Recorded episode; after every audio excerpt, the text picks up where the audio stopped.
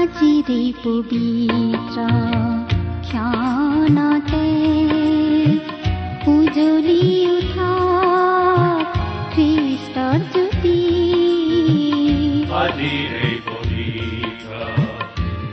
ভক্তিবচন অনুষ্ঠানৰ মজিয়ালৈ আপোনাক স্বাগতম প্ৰিয় শ্ৰোতা। ভক্তিবচন অনুষ্ঠানত আপোনাক পুনৰ লগ পাই আমি নথৈ আনন্দিত। আশা কৰো এই অনুষ্ঠানত প্ৰচাৰ হোৱা বাক্যসমূহে আপোনাৰ ব্যক্তিগত জীৱনত অলপ হলেও সহায় কৰিছে। ঈশ্বৰ এগৰাকী সৰ্বশক্তিশালী ব্যক্তি। তেওঁ পৃথিৱী আকাশমণ্ডল আৰু সৌৰজগতৰ সকলোকে নিজৰ ইচ্ছাৰে আৰু পৰাক্ৰমেৰে শৃংখলাবদ্ধভাৱে স্থিৰ কৰি থৈছে। তেওঁ প্ৰতিটো বিষয়কে একো একোটা নিয়মৰ অৰ্থাৎ নিজ নিজ সীমাৰ অন্তৰ্ভুক্ত কৰি ৰাখিছে। সেইকাৰণে সকলোবোৰ সুন্দৰকৈ চলি আছে। সেইবোৰৰ এটা বিষয়েও যদি নিজ নিয়মক চেৰাই যাবলৈ ধৰে তেন্তে সকলোবোৰ খেলি মেলি অৰ্থাৎ ধ্বংস হ'ব। আমাৰ জীৱনবোৰো তেনেকুৱা। আপোনাৰ মোৰ জীৱনটোকো ঈশ্বৰে বৰ সুন্দৰকৈ শৃংখলাবদ্ধভাৱে মংগলৰ আঁচনিৰে সজাই ৰাখিছে। ঈশ্বৰৰ পৰাক্ৰমী সুৰক্ষাৰ তলত আপোনাৰ জীৱন সদায় সুৰক্ষিত। তেওঁত আশ্ৰয় ললে আপুনি জীৱনৰ প্ৰকৃত আনন্দ বিচাৰি পাব। তেওঁৰ বাক্যই আপোনাক তেওঁৰ বিষয়ে আৰু অধিককৈ জানিবলৈ সহায় কৰাৰ আশাৰে এয়া আপোনালৈ আগবঢ়াইছো ভক্তি বচন।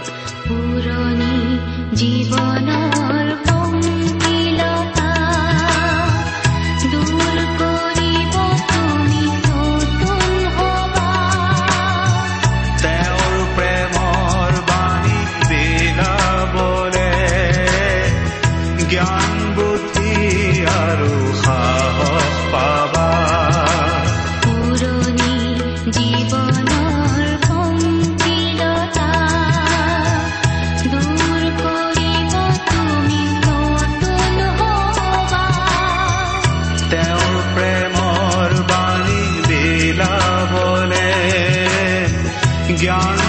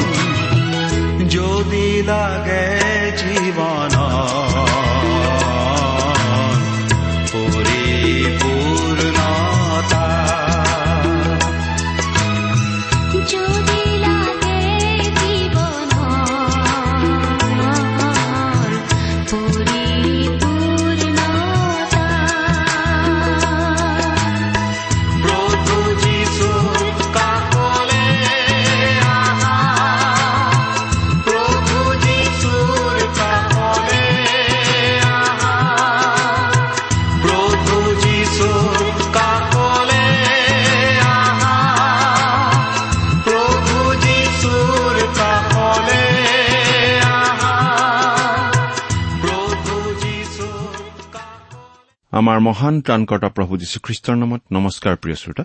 আশা কৰো আপুনি ভালে কুশলে আছে। প্ৰিয় শ্ৰোতা আপুনি বাৰু আমাৰ এই ভক্তিবচন অনুষ্ঠানটো নিয়মিতভাৱে শুনি আছেনে? এই অনুষ্ঠান সম্বন্ধে আপোনাৰ মতামত আদি জনাই আমালৈ চিঠি পত্ৰ লিখিছেনে বাৰু? অনুগ্ৰহ কৰি আজি এই দুখাৰিমান লিখি পঠিয়াবচোন। আহকচোন আজিৰ বাইবেল অধ্যয়ন আৰম্ভ কৰাৰ আগতে খন্তেক প্ৰাৰ্থনাত মূৰ দুৱাওঁ। আমি প্ৰাৰ্থনা কৰো। স্বৰ্গত থকা অসীম দয়ালু কৰোণাময় পিতা তোমাৰ তুলনা নাই তোমাৰ প্ৰেম তোমাৰ কৰোণা তোমাৰ অনুগ্ৰহৰ কথা আমি বৰ্ণনা কৰি শেষ কৰিব নোৱাৰো। প্ৰভু যীশুৰ যোগেদি তুমি আমালৈ যি অনুগ্ৰহ দেখুৱালা তাৰ বাবে তোমাক অশেষ ধন্যবাদ পিতা। এতিয়া আমি তোমাৰ মহান বাক্য বাইবেল শাস্ত্ৰ অধ্যয়ন কৰিবলৈ আগবাঢ়িছো। তোমাৰ বাক্য তুমিয়েই আমাক বুজাই দিয়া। এই অনুষ্ঠানৰ আৰম্ভণিৰ পৰা শেষলৈকে তুমিয়েই আমাৰ চলাওঁতা হোৱা। অনুষ্ঠান শুনি থকা প্ৰতিজন শ্ৰোতাৰ জীৱনত তোমাৰ মহান অনুগ্ৰহৰ আশীৰ্বাদ প্ৰকাশ পাই উঠিবলৈ দিয়া। কিয়নো এই প্ৰাৰ্থনা আমাৰ মহান ত্ৰাণকৰ্তা প্ৰভু যীশুখ্ৰীষ্টৰ নামত আগবঢ়াইছো। আমেন।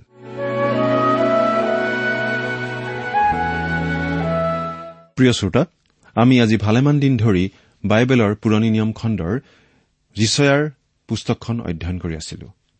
আমি ইতিমধ্যে বহুদূৰ আগবাঢ়ি আহিলো আৰু যোৱা অনুষ্ঠানত আমি এই ছয়ষষ্ঠিটা অধ্যায়ৰ দীঘল পুস্তকখনৰ ষাঠি নম্বৰ অধ্যায়লৈকে আমাৰ আলোচনা আগবঢ়ালো।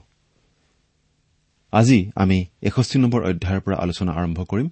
এষষ্ঠি বাষষ্ঠি আৰু তেষষ্ঠি এই তিনিওটা অধ্যায় আমি অলপ চমুকৈ আলোচনা কৰিম।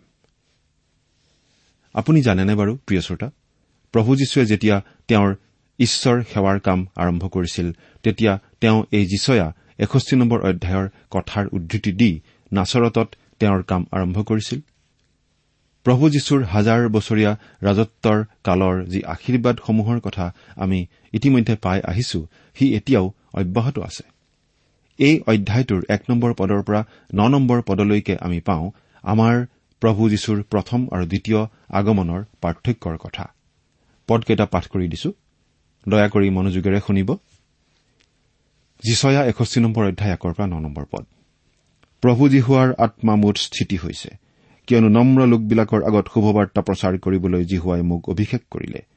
ভগ্নচিত্যাবিলাকৰ ঘাঁ বান্ধিবলৈ বন্দী লোকবিলাকলৈ মুক্তি আৰু বন্দীয়াৰবিলাকলৈ বন্দীশাল মুকলি কৰা কথা ঘোষণা কৰিবলৈ জিহুৱাৰ অনুগ্ৰহ বছৰ আৰু আমাৰ ঈশ্বৰৰ প্ৰতিফল দিয়া দিন ঘোষণা কৰিবলৈ আটাই শোকাতুৰ লোকক সান্তনা কৰিবলৈ আৰু চিউনৰ শোকাতুৰ লোকবিলাকৰ নিমিত্তে নিযুক্ত কৰিবলৈ ভস্মৰ সলনি মালা শোকৰ সলনি আনন্দৰ তেল আৰু বেজাৰ মনৰ সলনি প্ৰশংসাৰ বস্ত্ৰ দান কৰিবলৈ তেওঁ মোক পঠালে।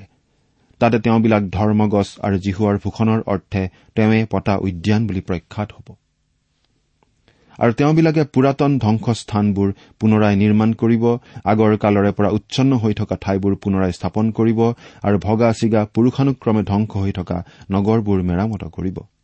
আৰু পৰজাতিবিলাকে থিয় হৈ তোমালোকৰ জাকবোৰ চৰাব আৰু বিদেশীবিলাকৰ সন্তানবোৰ তোমালোকৰ হালোৱা আৰু দ্ৰাক্ষাবাৰীৰ খেতিয়ক হ'ব।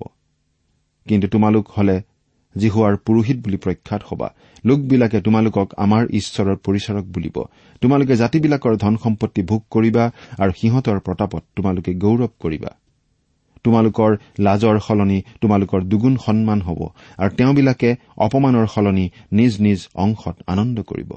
এই হেতুকে তেওঁবিলাকে নিজৰ দেশত দুগুণ আধিপত্য ভোগ কৰিব আৰু তেওঁবিলাকৰ অনন্তকলীয়া আনন্দ হ'ব। কিয়নো মই জিহুৱাই ন্যায় বিচাৰ ভাল পাওঁ অন্যায়ৰূপে কাঢ়ি লোৱা ঘীন কৰো। এই হেতুকে মই নিশ্চয় তেওঁবিলাকৰ কাৰ্যৰ ফল তেওঁবিলাকক দিম আৰু তেওঁবিলাকে সৈতে অনন্তকাল থকা এটি এক নিয়ম কৰিম।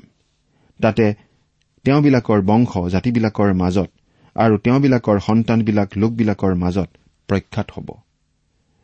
তেওঁবিলাকক যেয়ে দেখিব সেয়ে তেওঁবিলাকক জিহুৱাৰ আশীৰ্বাদপ্ৰাপ্ত বংশ বুলি স্বীকাৰ কৰিব। এক নম্বৰ পদত প্ৰভু জিহুৱাৰ আত্মা মুঠ স্থিতি হৈছে। কিয়নো নম্ৰ লোকবিলাকৰ আগত শুভবাৰ্তা প্ৰচাৰ কৰিবলৈ জিহুৱাই মোক অভিষেক কৰিলে বুলি কোৱা হৈছে। কিন্তু কথাষাৰ কোনে কৈছে কেনেকৈ জানিব পাৰিম? কেৱল এষষ্ঠি অধ্যায়টো পঢ়ি ক'ব নোৱাৰিম। কথাষাৰ কোনে কৈছে? গোটেই বাইবেলখনৰ প্ৰয়োজনীয় মূল বিষয়খিনিৰ জ্ঞান থকা লোকসকলে কিন্তু ক'ব যে আমাৰ প্ৰভু যীশুখ্ৰীষ্টই এইখিনি কথা কৈছিল। হয় প্ৰভু যীশুৰেই এইখিনি কথা।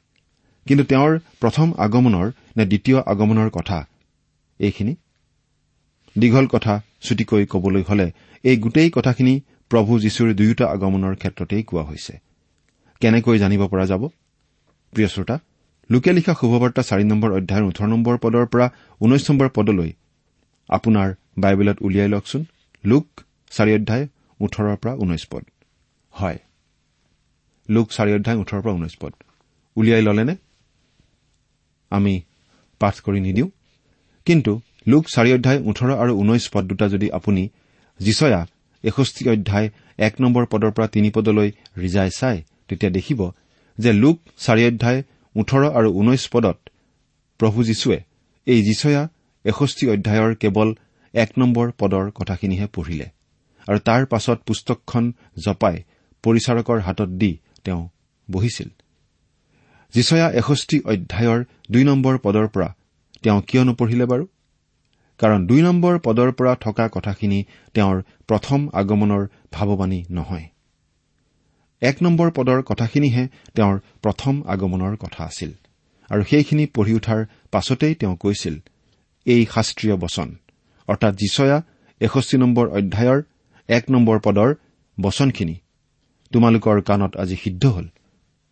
কিন্তু যিচয়া এষষ্ঠি নম্বৰ অধ্যায়ৰ দুই পদৰ পৰা বচনখিনি তেতিয়া সিদ্ধ হোৱা নাছিল। এনেকে আজিও সিদ্ধ হোৱা নাই কাৰণ সেইখিনি বচন প্ৰভু যীশুৰ দ্বিতীয় আগমনতহে সিদ্ধ হ'ব।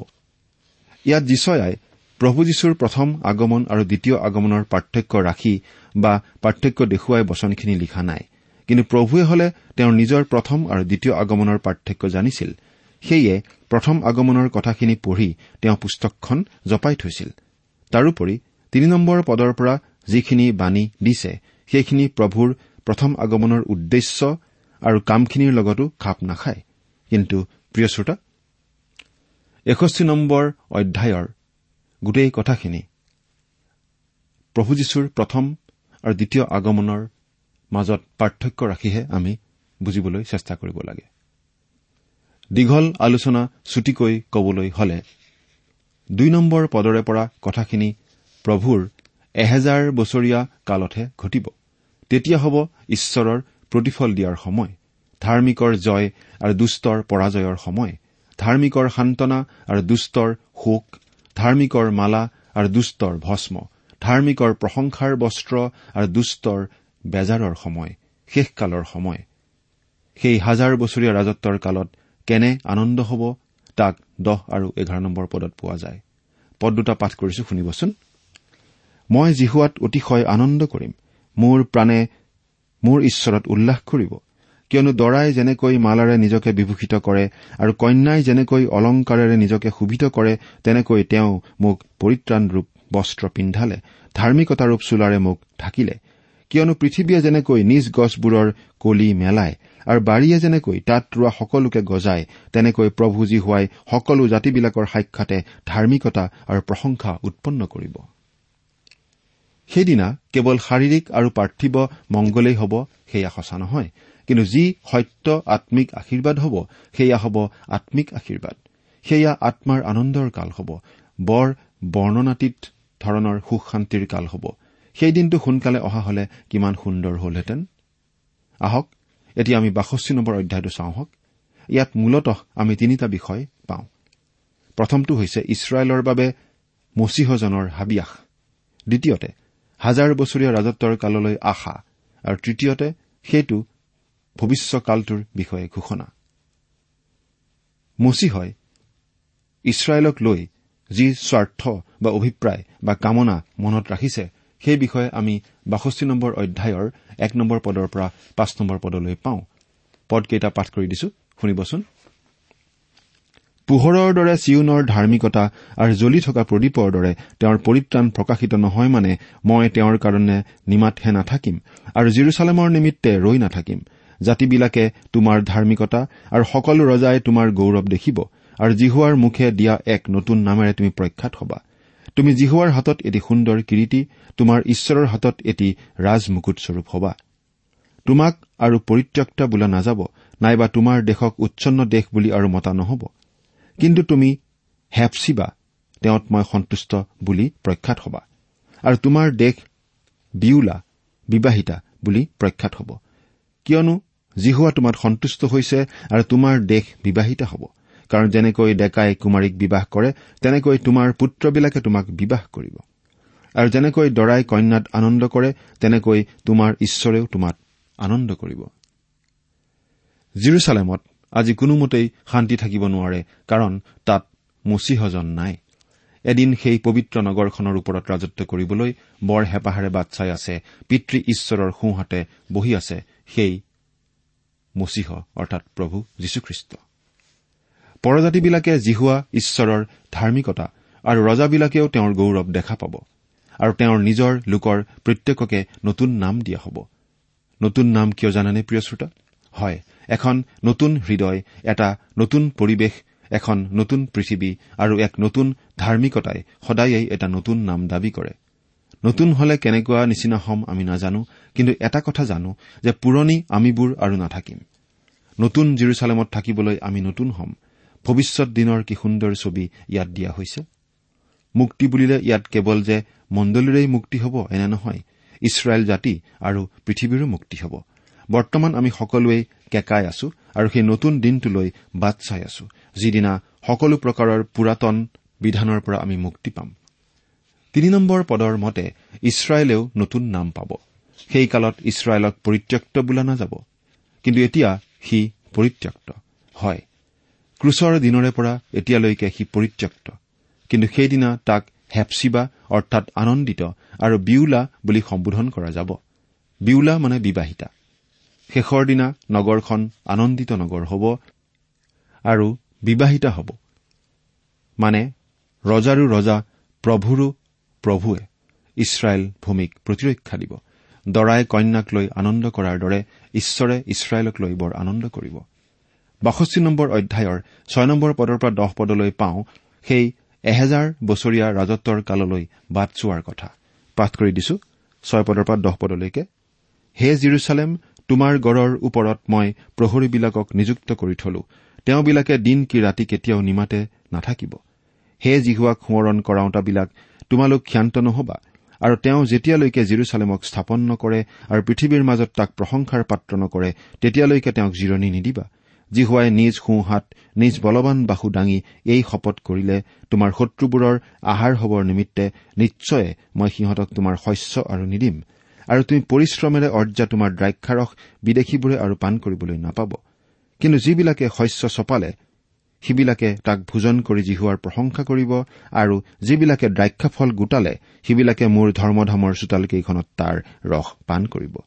তোমালোক যোৱা বৰদুৱাৰেদি যোৱা লোকবিলাকৰ নিমিত্তে পথ যুগুত কৰা ৰাজ আলি ওখ কৰা ওখ কৰা শিলবোৰ গুচাই পেলোৱা জাতিবিলাকৰ নিমিত্তে এক ধ্বজা তোলা। প্ৰতিগৰাকী তৃষ্ণাটোৰ প্ৰাণীয়ে পানীলৈ হাবিয়াস কৰাৰ দৰে ইছৰাইলেও প্ৰভুৰ সেই হাজাৰ বছৰীয়া ৰাজত্বৰ কাললৈ হাবিয়াস ৰাখিব আৰু সেই কালত জিৰচালেমত শান্তি হ'ব।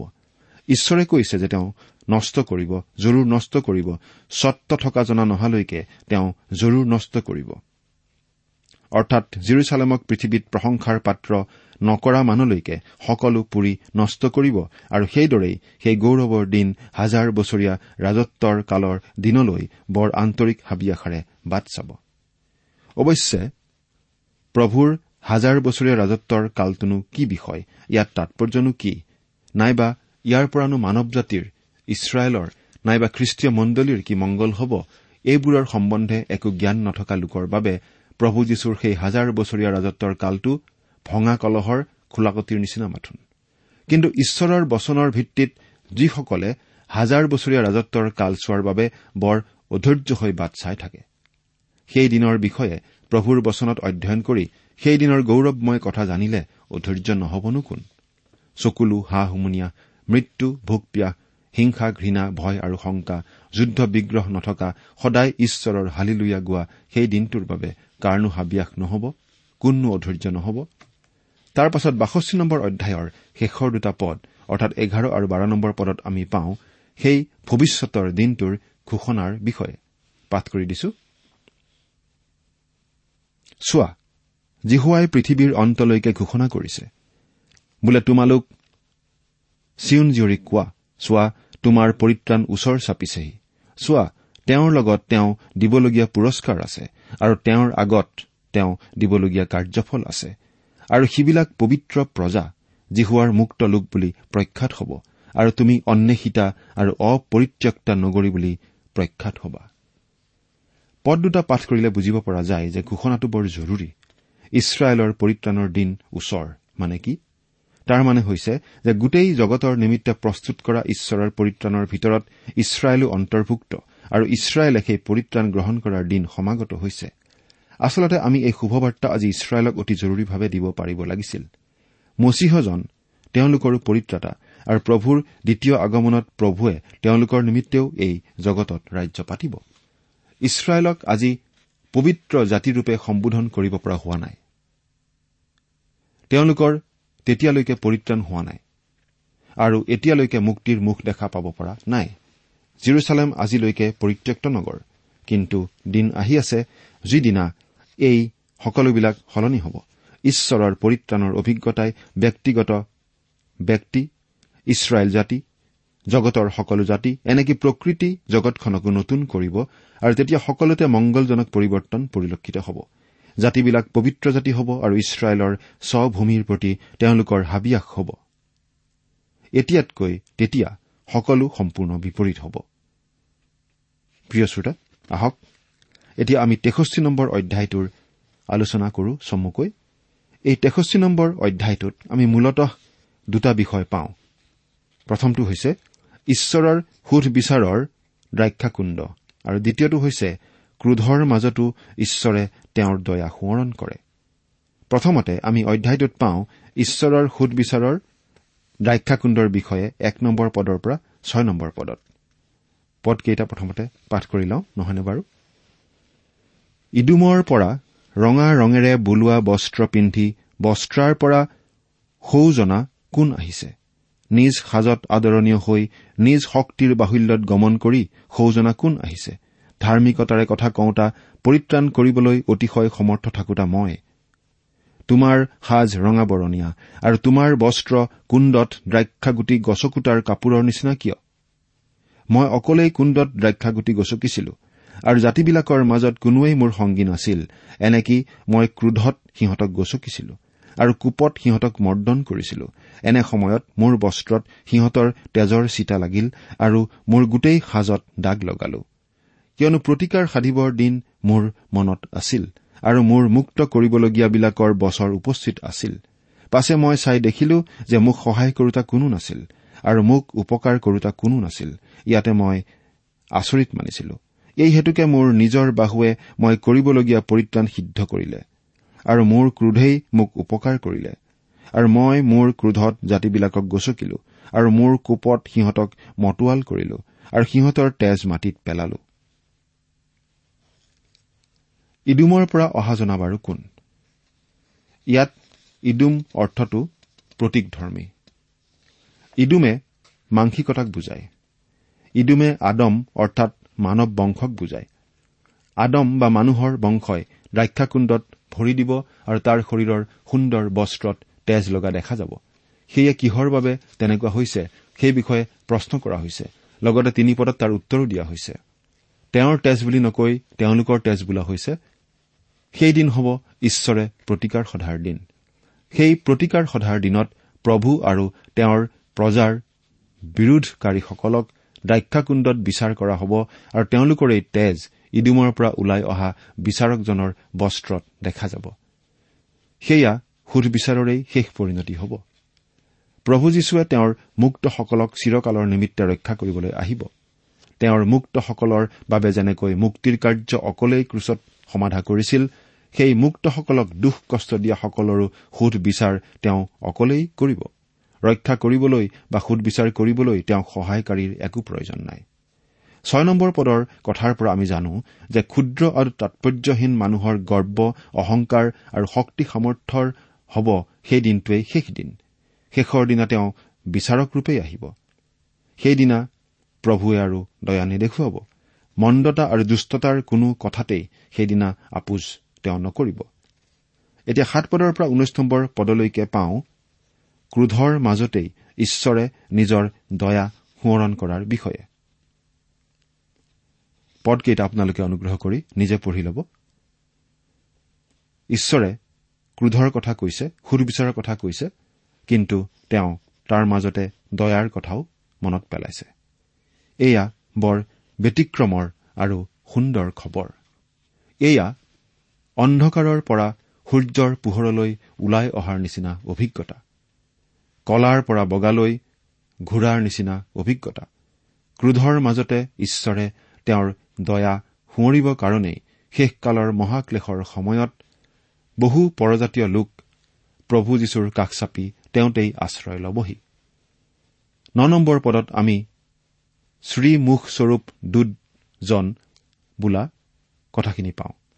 সেই শ্ৰীমুখস্বৰূপ দূতজন বাৰু কোন জানেনে? মানুহৰ ৰূপ ধাৰণ কৰি যীশুৰূপে অৱতাৰ লৈ এই জগতলৈ অহাৰ পূৰ্বৰ আমাৰ প্ৰভু যীশুখ্ৰীষ্ট সেই শ্ৰীমুখস্বৰূপ দূতজন।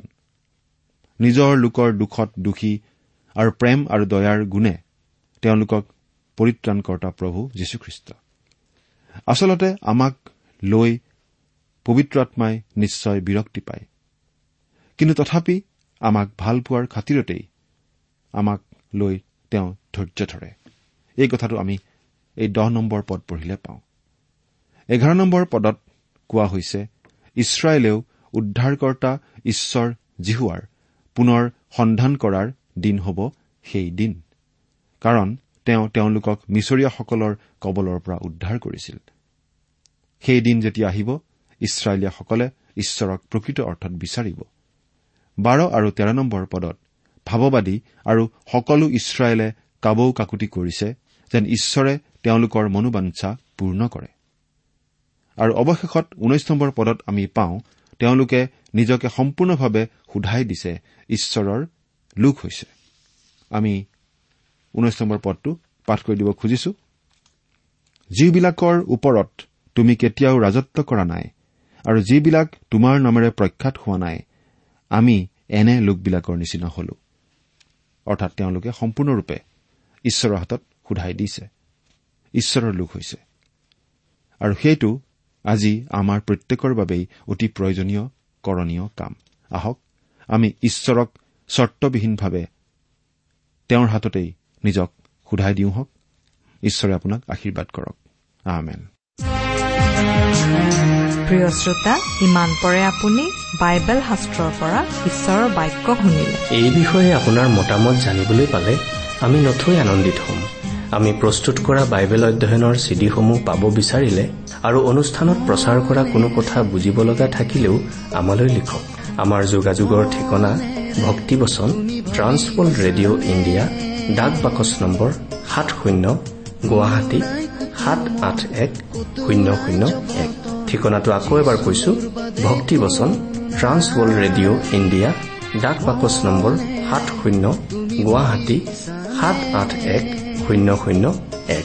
আমাৰ ইমেইল এড্ৰেছটো হৈছে Assamese T TV at the rate radio' eight eight two dot com. আমাৰ website W W W dot T W R dot in.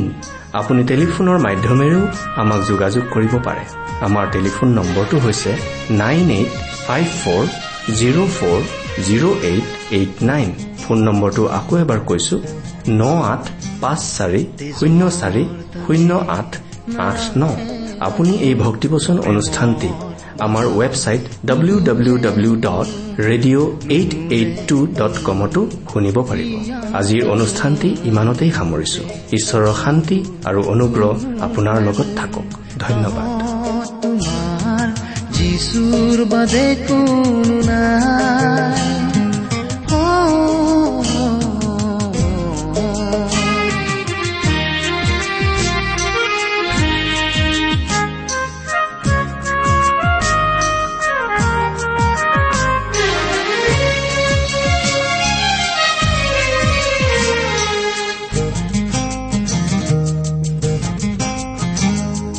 লাগে যদি অহাৰে ভৰা পৰিপূৰ্ণ জীৱন গাথা যিচুৰ তেজে দিয়ে পূৰ্ণতা যিচুৰ কথাই চকুলো মুছে যিচুৰ বাদে কোনো নাই তোমাৰ কাহ মনেৰে